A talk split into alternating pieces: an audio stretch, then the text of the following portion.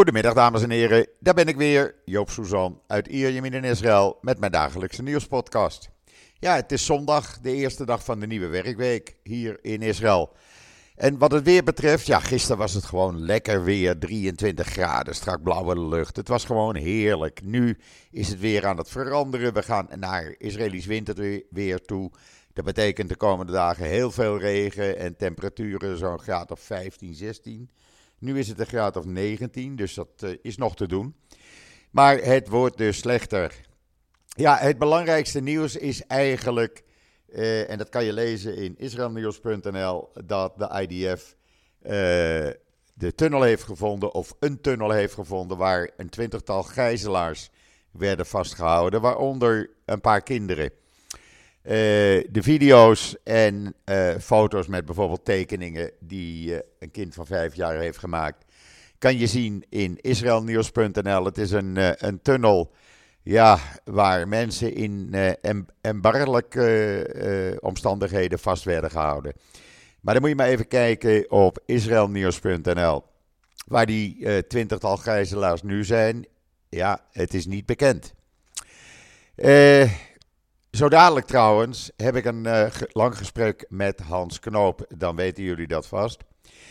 De Amerikaanse inlichtingendienst die denkt dat ongeveer tussen de 20 en 30 procent van de terroristen zijn vermoord, geëlimineerd.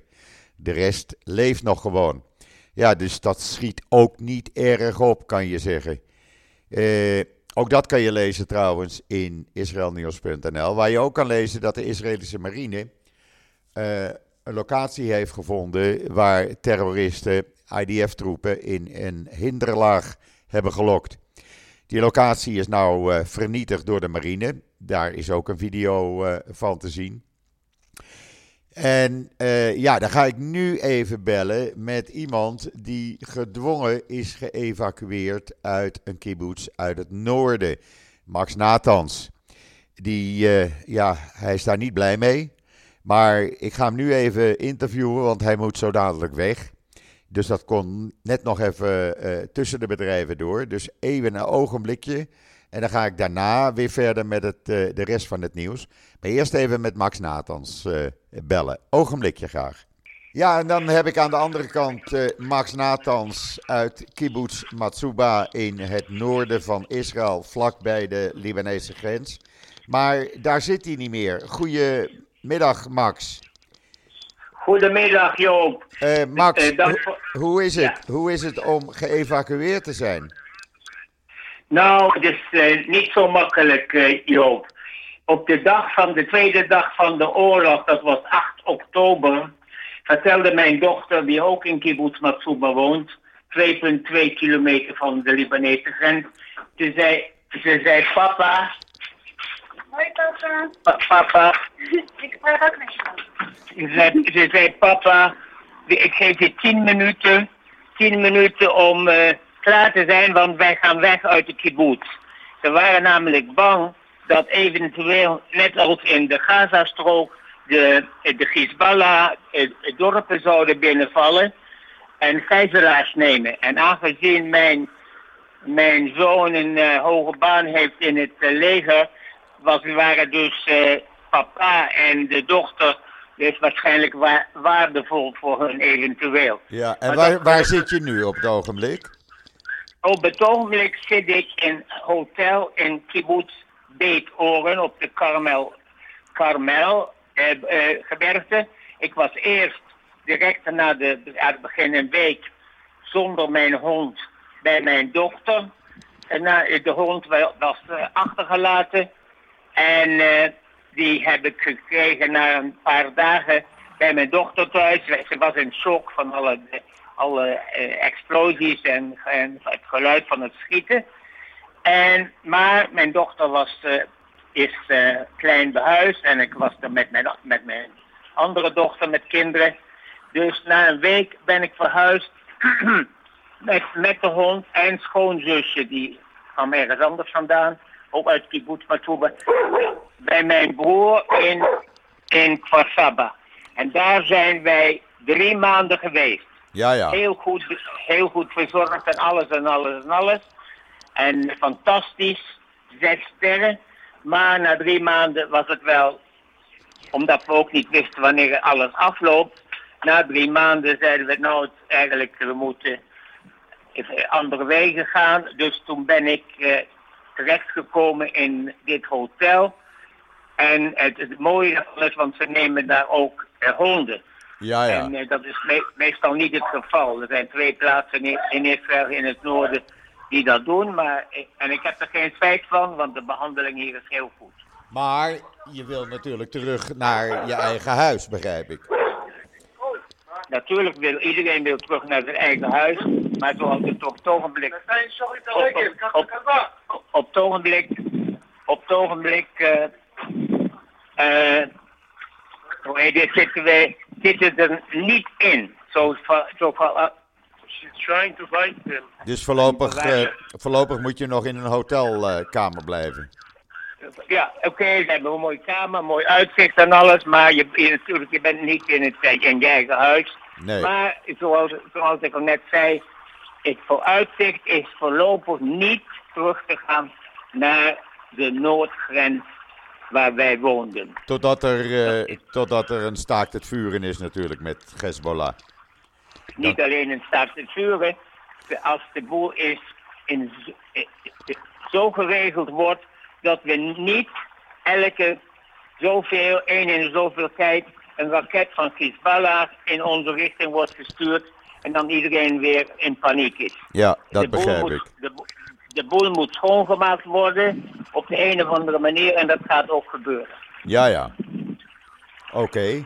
Eh, hoe lang verwacht je dat je nog in die hotelkamer moet blijven zitten? Nou, gaat er eigenlijk elke paar minuten uit de hotelkamer. Maar nee, nee, niet, geen verwachting. Nee, nee. blijven hier voorlopig. Wij blijven hier voor iedereen blijft voorlopig. Er zijn een paar mensen die gaan terug naar de kibbutz. Die zeggen, nou, eh, we hebben drie maanden of zo in een hotel gewoond. En nou, het hindert niet hoe goed de behandeling is. Maar voor ons, ik bl- blijf liever, ga liever met alle gevaren die er zijn terug naar de kibbutz. En er zijn paar die daar wonen met alle risico's die eraan verbonden zijn. Ja, ja. Oké. Nou, dan eh, heb je in ieder geval het een en ander duidelijk gemaakt aan de luisteraars in Nederland. En eh, dan Dat begrijp is de bedoeling. Ja, dat is de bedoeling dat we iets meer begrijpen hoe het is om geëvacueerd te zijn. eh, geheel tegen je zin. Maar goed, het is niet anders. En zoals jij in een hotel, zo zitten er duizenden uit het noorden, maar ook uit het zuiden, in hotels en pensions en op andere plekken geëvacueerd. Eh, mag ik je hartstikke bedanken, Max, en heel veel sterkte wensen. Graag gedaan, graag gedaan. Hier Oké. trouwens in het hotel zijn 60 mensen geëvacueerd, geëvacueerd uit uh, Kiryat Shmone en andere kibbutzim. Ja, ja. Oké, nou ik hoop dat je weer snel terug kan naar je eigen huis. Ik- Amen, amen. Oké, dankjewel. Het was. Dag. Dankjewel. Dank. Bye. Dag. Ja, dat was eh, Max Nathans, die dus eh, uit zijn eigen huis is en nu in een hotel in Bed Oren zit. Bed Oren eh, is in de Karmel. Ja, en hoe lang dat gaat duren, dat is nog niet bekend. Dan gaan we verder met het andere nieuws, voordat we zo dadelijk met Hans Knoop aan het praten gaan. Saudi-Arabië en Jordanië en andere landen helpen Israëlische bedrijven om de Houthi-dreiging te omzeilen. Ook daar eh, staat een artikel over in eh israelnieuws.nl. Eh, de, eh, de goederen worden uit zeeschepen overgeladen in vrachtwagens in Saudi-Arabië en via Jordanië naar Israël toegebracht. Dat is niet anders, want anders zouden ze nou, een maand of twee onderweg zijn en nu is het 20 dagen. Eh, en is de schade toch beperkt, want schepen komen steeds minder richting Israël. Ja, en dan gisteravond zijn er in het hele land, eh, Tel Aviv met name, maar ook in Haifa en andere plaatsen, zijn demonstraties geweest eh, tegen de regering en om de gijzelaars vrij te krijgen. Steeds meer mensen ja, die eh, nemen deel aan die demonstraties. Omdat men vindt dat alles in het werk moet worden gesteld. Zelfs een staakt het vuren. Om eh, de gijzelaars die er nog leven vrij te krijgen. Gisteravond in Tel Aviv, Caesarea, Jeruzalem. Daar waren echt tienduizenden mensen. Die luisterden naar toespraken van familieleden van gegijzelden. En uh, naar bevrijde gegijzelden die uh, aandringen bij de regering van uh, jullie moeten gewoon overeenkomst maken om te zorgen dat de nog levende gijzelaars zo snel mogelijk vrijkomen. Uh, want de angst is dat steeds meer gijzelaars overlijden. die worden af en toe afgemaakt door Hamas. En men zegt gewoon: jullie als regering je moet een uh, staakt het vuren, permanent staakt het vuren met Hamas uh, overeenkomen. Want Hamas kan je toch niet helemaal verslaan. En men dringt ook aan op uh, verkiezingen, zodat deze regering wordt aftreedt en er een andere regering komt. in Tel Aviv, je kan dat lezen in alle Engelstalige kranten bijvoorbeeld Times of Israel, maar ook Haaretz, Ynet en Jeruzalem Post, uh, werd geroepen, deal meteen. Er is ook een uh, demonstratie geweest bij het privéhuis van Netanyahu. Daar kwam men vrijdagavond bij elkaar. Men is daar in de nacht gebleven en heeft constant geroepen, deal nu en aftreden. Men is het zat. En uh, steeds meer mensen zeggen: het kan niet zo blijven uh, zijn dat uh, er wordt gevochten en dat die gijzelaars één voor één worden omgemaakt, omgebracht. het blijkt dat die demonstratie bijvoorbeeld in Tel Aviv veel groter was dan verleden week. En dat gaat echt richting 100.000 demonstranten. En men is deze regering gewoon zat en zegt: jullie moeten niet alleen aan jezelf denken, maar nu aan de gijzelaars denken. En gewoon aftreden, want dit kan niet zo doorgaan. Uh, het blijkt dat steeds meer mensen in Israël die mening zijn toegedaan. Die vinden dat de gevechten moeten stoppen.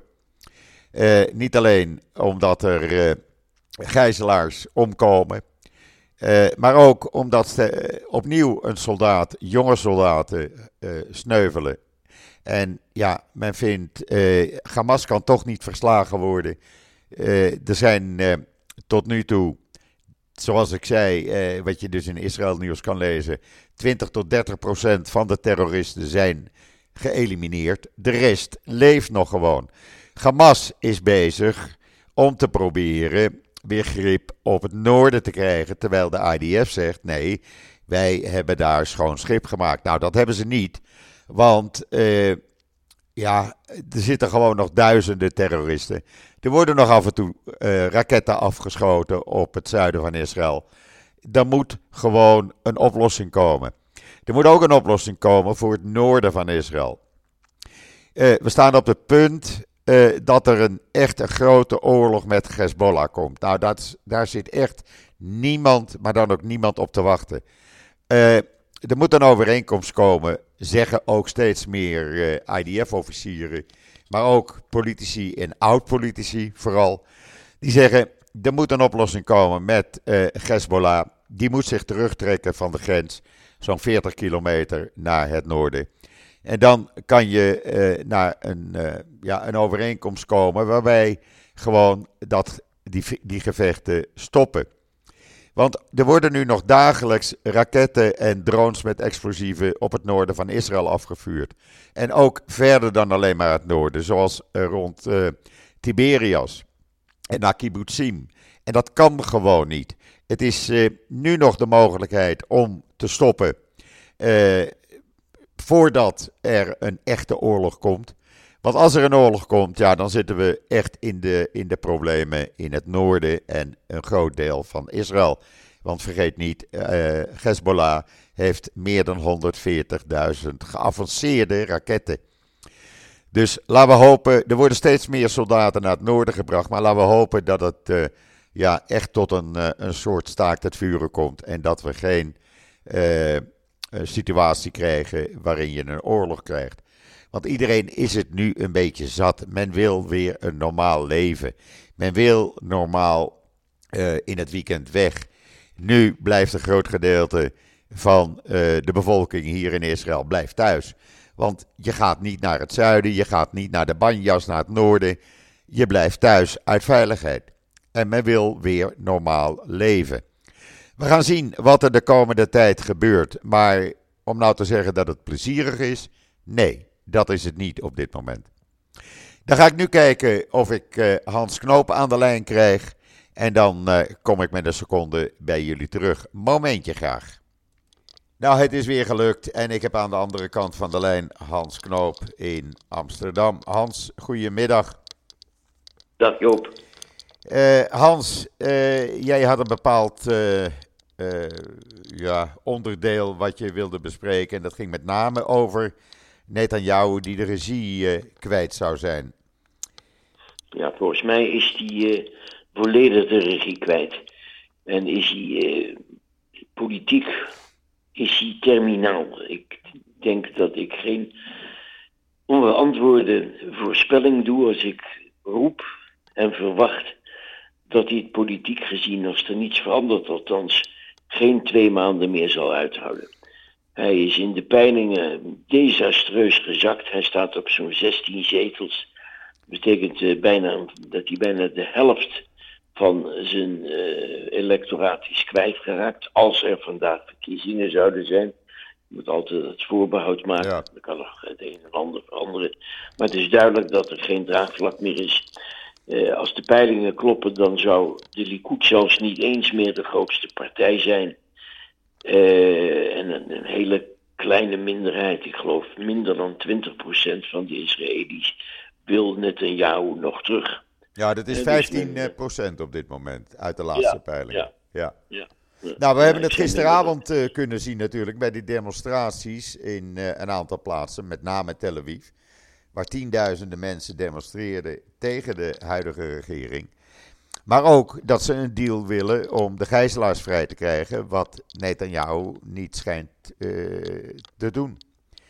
Nee, omdat hij een deal als een vorm van capitulatie ziet. Ja. Het is natuurlijk een moeilijke beslissing. Ik bedoel, een, een, een deal betekent dat, hoe je het went of keert, optisch gezien Hamas deze oorlog heeft gewonnen. Maar geen, en het betekent ook een deal dat het een aanmoediging is om het nog een keer te doen voor Ja. Hamas. Ja. Het werkt dus kennelijk vanuit het perspectief van Hamas. En dat Netanyahu daar aarzelend in is en niet graag daaraan wil meewerken, ja, dat begrijp ik wel. En dat, eh, dat is ook zo goed recht. Maar wat is het alternatief? Het alternatief zou zijn het militair vernietigen, uitroeien van Hamas. Nou, dat kan niet. Daar is men langzamerhand is men daar wel achter. Eh, dus er is geen militaire oplossing. Nou, als die er niet is, dan zal je toch een andere weg moeten vinden om die arme gijzelaars vrij te krijgen. En dat zal dan misschien ten koste van je eigen ego moeten gaan. Nou, daar moet hij dan maar aan wennen dat hij over zijn eigen schaduw moet heen springen. In het algemeen belang. En het algemeen belang zou primair het lot van de gijzelaars moeten zijn. Niet het overleven van de regering precies. Netanyahu. Hè? Ja. Niet eh, de persoon Netanyahu. Primair is het, het vrijkrijgen van de gijzelaars met zo min mogelijk doden en, en collateral damage. Ja, want er worden gijzelaars gedood, hè? elke dag weer of elke paar dagen eh, zien we wel een video eh, waarin een gijzelaar omgebracht wordt. Ja, vreselijk. Vreselijk. Het is echt verschrikkelijk. Ik, ik, ik wil niet graag met Netanyahu ruilen, want hoe groot mijn, eh, mijn aversie tegen hem ook is, of tegen zijn beleid, niet tegen de man zelf, maar tegen zijn beleid. Het is een onmenselijke taak waar hij voor staat. Ja. Echt een onmenselijke taak. Hij zal s'nachts gillend wakker worden als hij eh, de verwensingen van de familieleden eh, van gegijzelden weer opnieuw hoort en tot zich laat doordringen. Je moet, er, je moet er maar aan staan om dit op te lossen. Goed, je kan zeggen, hij is zelf verantwoordelijk voor het feit dat het zover gekomen is. Hij is verantwoordelijk voor eh, de pogrom, niet in de zin dat hij die heeft georganiseerd, maar hij heeft hem voorkomen. eh, had hem geweigerd te voorkomen. Hij heeft niet geluisterd naar signalen dat er iets dergelijks op handen was.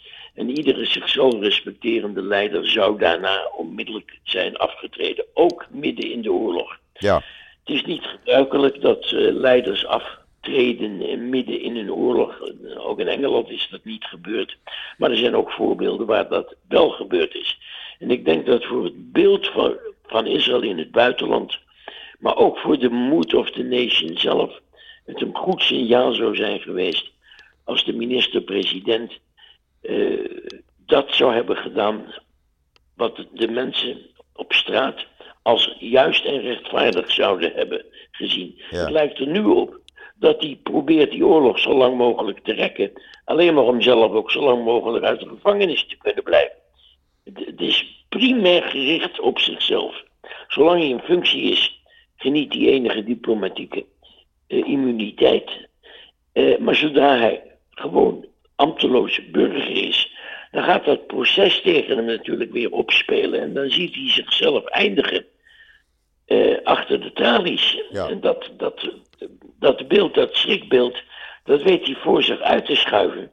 Door die oorlog te laten voortduren en geen beslissingen te nemen. nee, maar het, Ja, probleem, het probleem wat erbij komt is ook dat er geen eenheid in deze regering is op dit moment. Nee, nou is dat niet ongebruikelijk in Israël hoor. Er is eh, Nee, maar zelden goed, eenheid. eh, in de eh, tijd, Israël in de tijd van de Israël oorlog. kent geen, geen regeringen. Israël kent alleen maar langlopende verkiezingscampagnes. Ja, Normaal gesproken is het zo dat na een verkiezing er een nieuwe regering komt, formatie, en dan is de regering er en de regering spreekt met één mond. En dan stoppen de campagnes. Dan houdt de verkiezingsretoriek waarin men elkaar voor wat de vis uitmaakt, houdt dan op. Tenminste, in normale demo- parlementaire democratieën. Maar in Israël gaat het gewoon door. Ja. In feite is een kabinetsperiode een verlenging in Israël van de verkiezingscampagne. oké. Eh, Er zou gewoon een verbod eh, moeten komen. Op het moment dat er een regering is, spreekt de regering met één mond. En het is niet de partij die je vertegenwoordigt die dan in de regering zit. Nee, het is de minister. En als een minister iets roept, dan bindt dat in ieder land, in iedere parlementaire democratie, bindt dat de hele regering. Dus als morgen een onbeduidende minister, laat ik zeggen, de minister van posterij of van sport of whatever, als die zou roepen, eh, Israël dient de Westhoever te verlaten en een Palestijnse staat te faciliteren, dan, kan, dan kunnen de andere ministers niet zeggen, ja, nee, dat heeft hij wel gezegd. Maar dat is niet onze mening. Op het moment dat een minister public gaat, iets publiekelijk roept of beweert, bindt dat de hele regering. Nou, dat is in Israël niet het geval. Want iedereen roept maar wat. Zodat het uiteindelijk volstrekt onduidelijk is wat men nou wil. En uiteindelijk blijkt men in dit geval heel weinig te willen, want er is weinig keuze ook. Ja. En het is een onmenselijke, ke- als die keuze er al is, is het een onmenselijke keuze. Nou ja, we hebben natuurlijk nu de afgelopen dagen gezien. eh, Biden die roept van hij acht het niet onmogelijk dat er een twee-staten-oplossing komt onder deze regering. Terwijl Netanyahu heel ongebruikelijk op Shabbat een verklaring doet uitgaan waarin hij dat gewoon ontkent en zegt nee. Hij ontkent het gezegd te hebben. Ja, Maar er schijnt iemand bij geweest te zijn tijdens dat gesprek in de kamer waar Netanyahu dat telefoongesprek voerde, ja, die dat gelekt zou hebben naar de Jeruzalem Post. ja, Netanyahu zelf heeft dat publiekelijk overigens nooit gezegd. Het is gelekt vanuit zijn prime minister's office door iemand die beweert dat hij bij dat telefoongesprek geweest is. ja. Ja, maar het is natuurlijk Maar het is- ongebruikelijk om op Shabbat als minister-president een verklaring te doen uitgaan. Dat, dat Ja. gebeurt zelden hier. En wat Ja. ook ongebruikelijk was, vind ik hoor, dat op vrijdagavond dit gesprek heeft plaatsgevonden tussen Netanyahu en, eh, en Biden. Ja. Dat is natuurlijk ook heel raar. Het is een kwestie van eh, credibility, van geloofwaardigheid. Het is uh, gehakketak tussen Netanyahu en Biden. Ja, als ik van een van tweeën een tweedehands auto zou moeten kopen, dan zou ik Biden verkiezen. Eh, ik, ik ben geneigd, maar dat is niet gebaseerd op feiten, maar puur op indruk. Ik ben geneigd om Biden een grotere mate van geloofwaardigheid eh, toe te kennen dan, uh, dan Netanyahu. Ja. Het is in ieder geval weer slecht in de relatie Amerika versus, versus aan de, de staat Israël. Maar dat is toch de backbone van het, ook het voortbestaan voor de staat Israël. Absoluut. Is de relatie met de Verenigde Staten. Absoluut. Netanyahu doet er alles aan om die relatie te vertroebelen, te verpesten. Daarbij heeft hij een paar mensen in zijn club, in zijn regering zitten, als Smotrich en Ben-Gvir, die het nog erger maken. Het is nog maar een paar maanden geleden dat toen Biden iets riep, Smotrich reageerde met mind your own fucking business. Ja. Ja, neem me nou niet kwalijk. Ik zeg mind your own fucking business. En, je hand, en, en gelijktijdig je hand ophouden voor de vele miljarden die vanuit Amerika naar Israël vloeien. Ja. Hoe haal je het in je hoofd? Hoe krijg je het uit je strot? Mind your own fucking business tegen de president van je belangrijkste bondgenoot en donor. Ja, nou Biden heeft nu ook de wapenleveranties stopgezet hè, eh, met lichte wapens. Die Ben-Gvir weer eh, lustig rondstrooit eh, naar kolonisten, eh, mensen in nederzettingen en die van wapens voorziet. En iedereen Ja, en maar bewapend. dat ze niet naar de kolonisten zouden gaan. hè. Ja, Dat precies. was een stringente conditie. Ze zouden alleen maar geleverd worden puur voor defensieve doelen. En niet gebruikt zouden worden in, op de Westbank. Nee. Maar goed, ze, ze trekken zich er, er niets van aan. eh, en ze komen er nog regelmatig mee weg ook. Dat verbaast me nog het meest. Ja, Laten we nou alsjeblieft, niet- alsjeblieft niet blijven roepen dat de wereld antisemitisch is. Want er zou geen staat ter wereld zijn die met al dit soort grollen en grappen wegkomt. Het is alleen Israël dat er kennelijk geen schade erop loopt. En een hoge mate van immuniteit eh, heeft weten te verzamelen. Want van een ander land zou het niet worden gepikt. nee. Nee, maar we zien natuurlijk ook eh, dat eh, Blinken ongeduldig wordt, de minister van Buitenlandse Zaken van Amerika. Ja, Blinken is pissed off. Die heeft, eh, Die- die heeft het volledig gehad. Ja. Ja. Ja, en dat, dat moeten we natuurlijk helemaal niet hebben. Want we hebben Amerika veel te hard nodig. Juist nu. Nu ook de spanning met Libanon oploopt. Of in Libanon. eh, vanwege gisteren weer die eh, zes eh, agenten van Iran die omgebracht Ja. zijn. Ja. ja, wat gaat Iran doen de komende dagen? Dat weet niemand.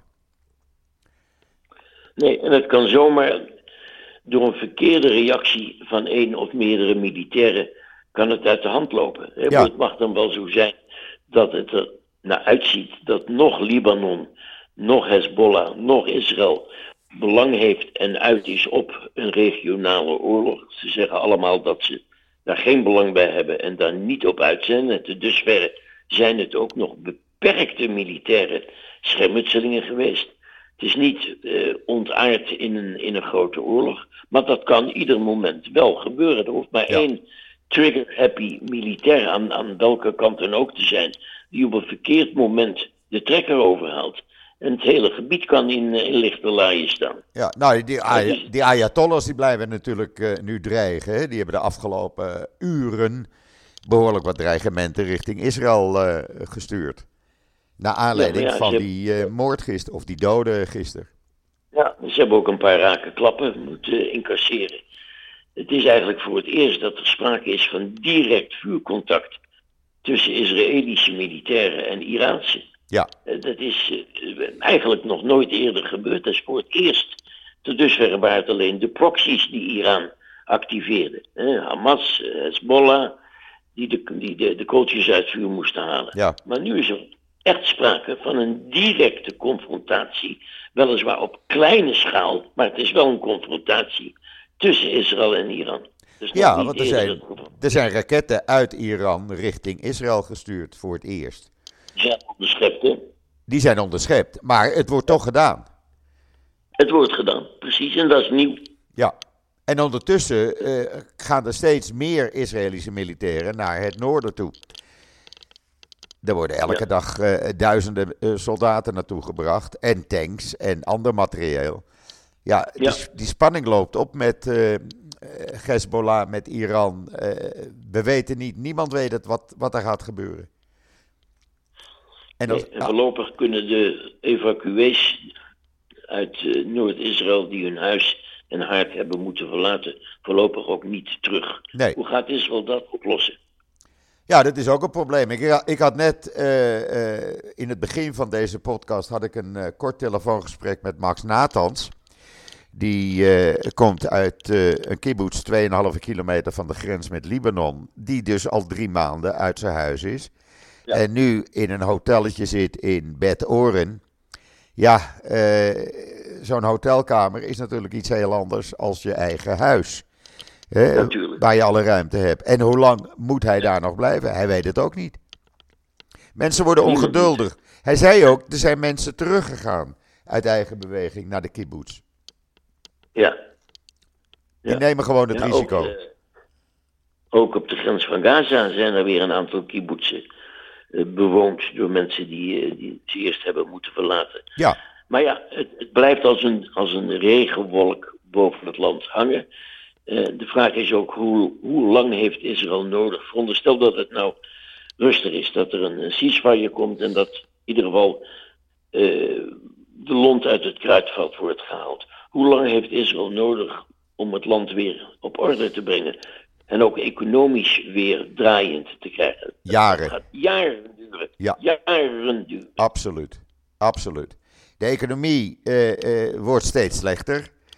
Eh, bedrijven die sluiten, bedrijven die mensen ontslaan. Je, je ziet het gewoon elke dag weer achteruit gaan. En dit kan niet zo door blijven gaan. Er is nu sprake Nee. van dat Moody's de krediet, creditrating weer gaat verlagen. Downgrade. Ja, downgrade. Ja. ja. En dat is natuurlijk ook heel slecht. Eh, het gaat alleen maar aan alle kanten slechter en slechter. En ja, je merkt het ook gewoon aan de mensen op straat. Men is het zat. Men is het gewoon Ja. zat. Ja. En alle, laat ik zeggen, zionistische verzinselen worden dan van stal gehaald. Met als bedoeling dat je eigenlijk moet geloven, Joop, dat je blij moet zijn dat je in Israël woont en niet elders. Want buitenland is het nog veel en veel erger dan in Israël. Wordt via met de paplepel de mensen ingegoten. Hoe vaak hebben ze al niet geroepen dat, de, dat Frankrijk, dat er een grote exodus van Franse Joden gaande is? Joop, ik ben als eh, woordvoerder van de Joodse gemeenschap in Antwerpen nauw in contact met de overkoepeling van de, de Franse Joden. Ja. Het is een leugen. Het is een aperte leugen. Er is in het geheel geen exodus van Franse Joden gaande. Het wordt hier beweerd, hè? Het wordt hier beweerd. Ja, dat, dat wordt al jaren beweerd. Ja. Maar het is jaren niet waar. Weet je hoeveel Franse Joden, dan heb ik het over Olim, dus niet mensen die er een tweede huis hebben. Nee, nee, nee, nee. Hoeveel Franse, hoeveel Franse Joden er wonen in Israël? In heel Israël? Nou, 40.000. 40.000. ja. En die wonen, er, die wonen er al heel lang.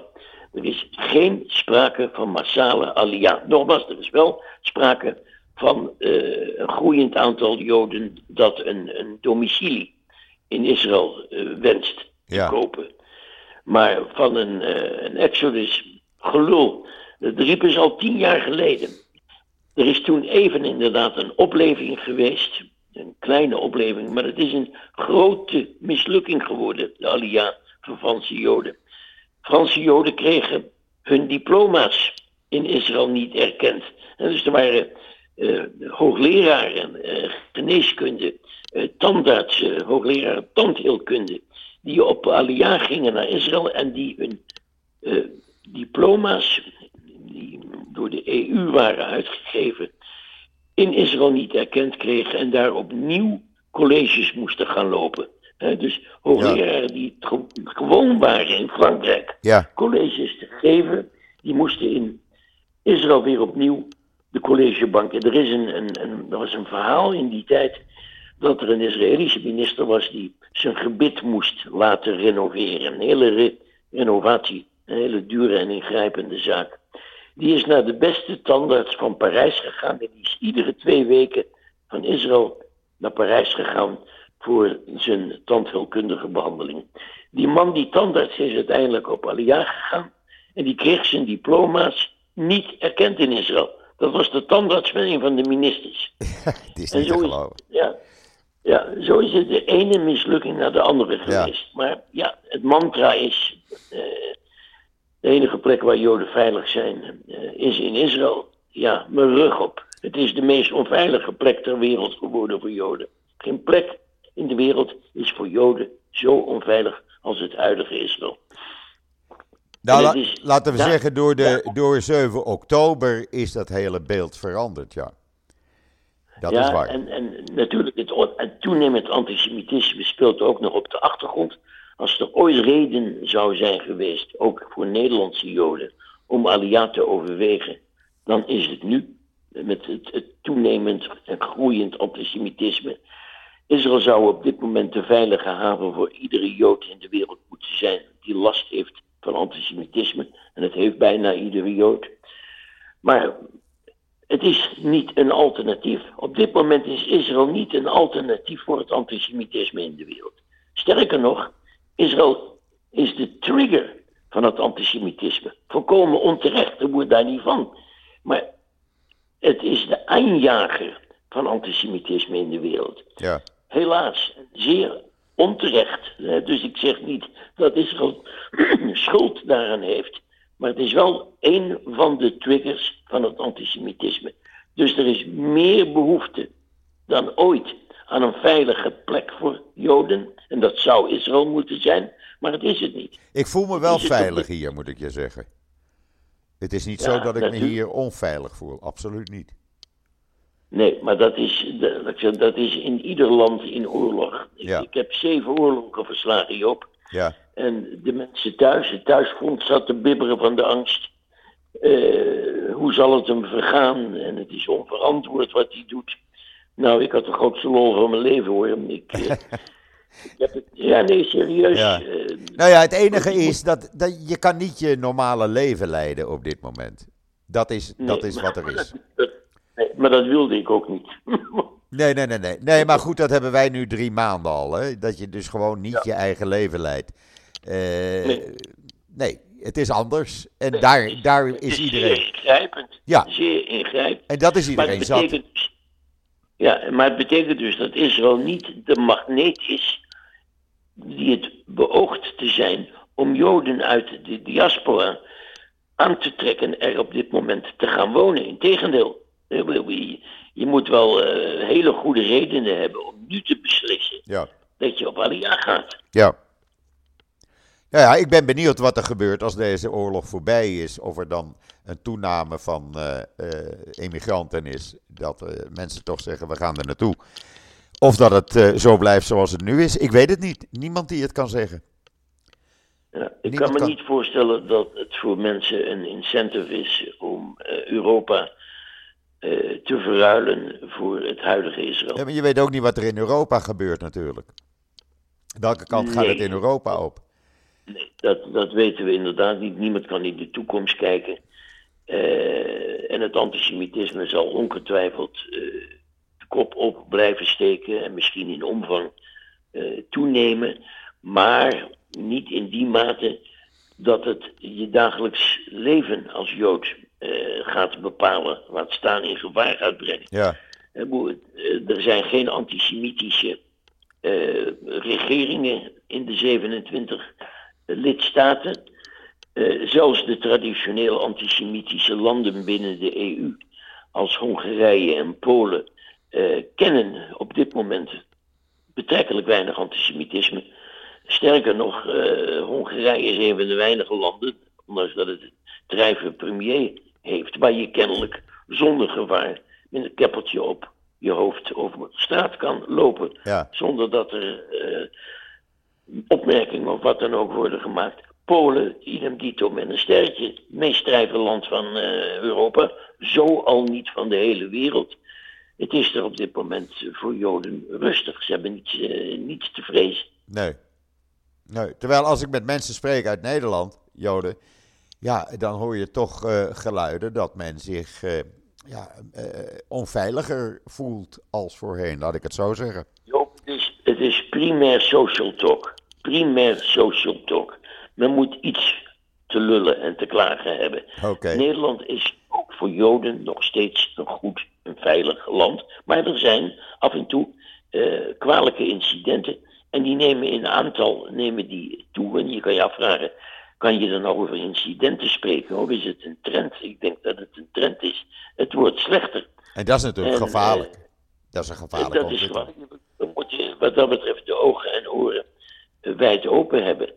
Eh, en, en waakzaam zijn. Eh, maar we moeten ook niet overdrijven. Dat is eh, iets waar ik iedere keer op wijs. In de jaren dertig, toen het, het monster aan de grens stond, zeiden de Joden in Nederland tegen elkaar: Nou, het zal hier zo'n vaart niet lopen. En we zijn in de Eerste Wereldoorlog ook gespaard en onafhankelijk gebleven. Nederland was neutraal en we hebben de bescherming van eh, het Huis van Oranje. Eh, nee, en Duitsland, ja, eh, het is toch het cultuurland van Europa.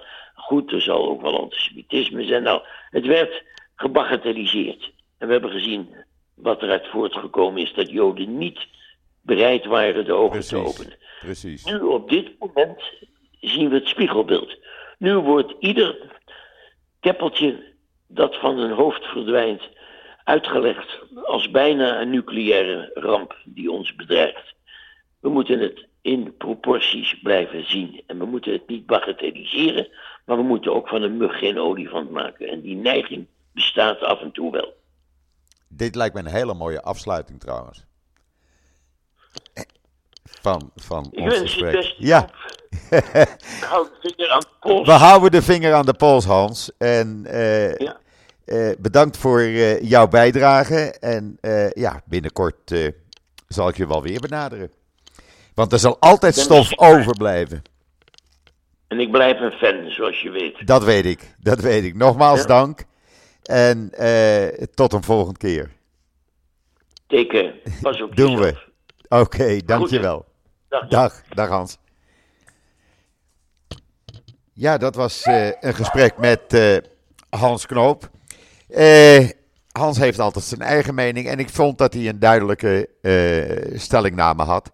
Eh, ik hoop dat jullie het interessant hebben gevonden. Morgen, dan ben ik er weer. Weer met een nieuwe gast. En zeg ik zoals altijd, tot ziens. Tot morgen.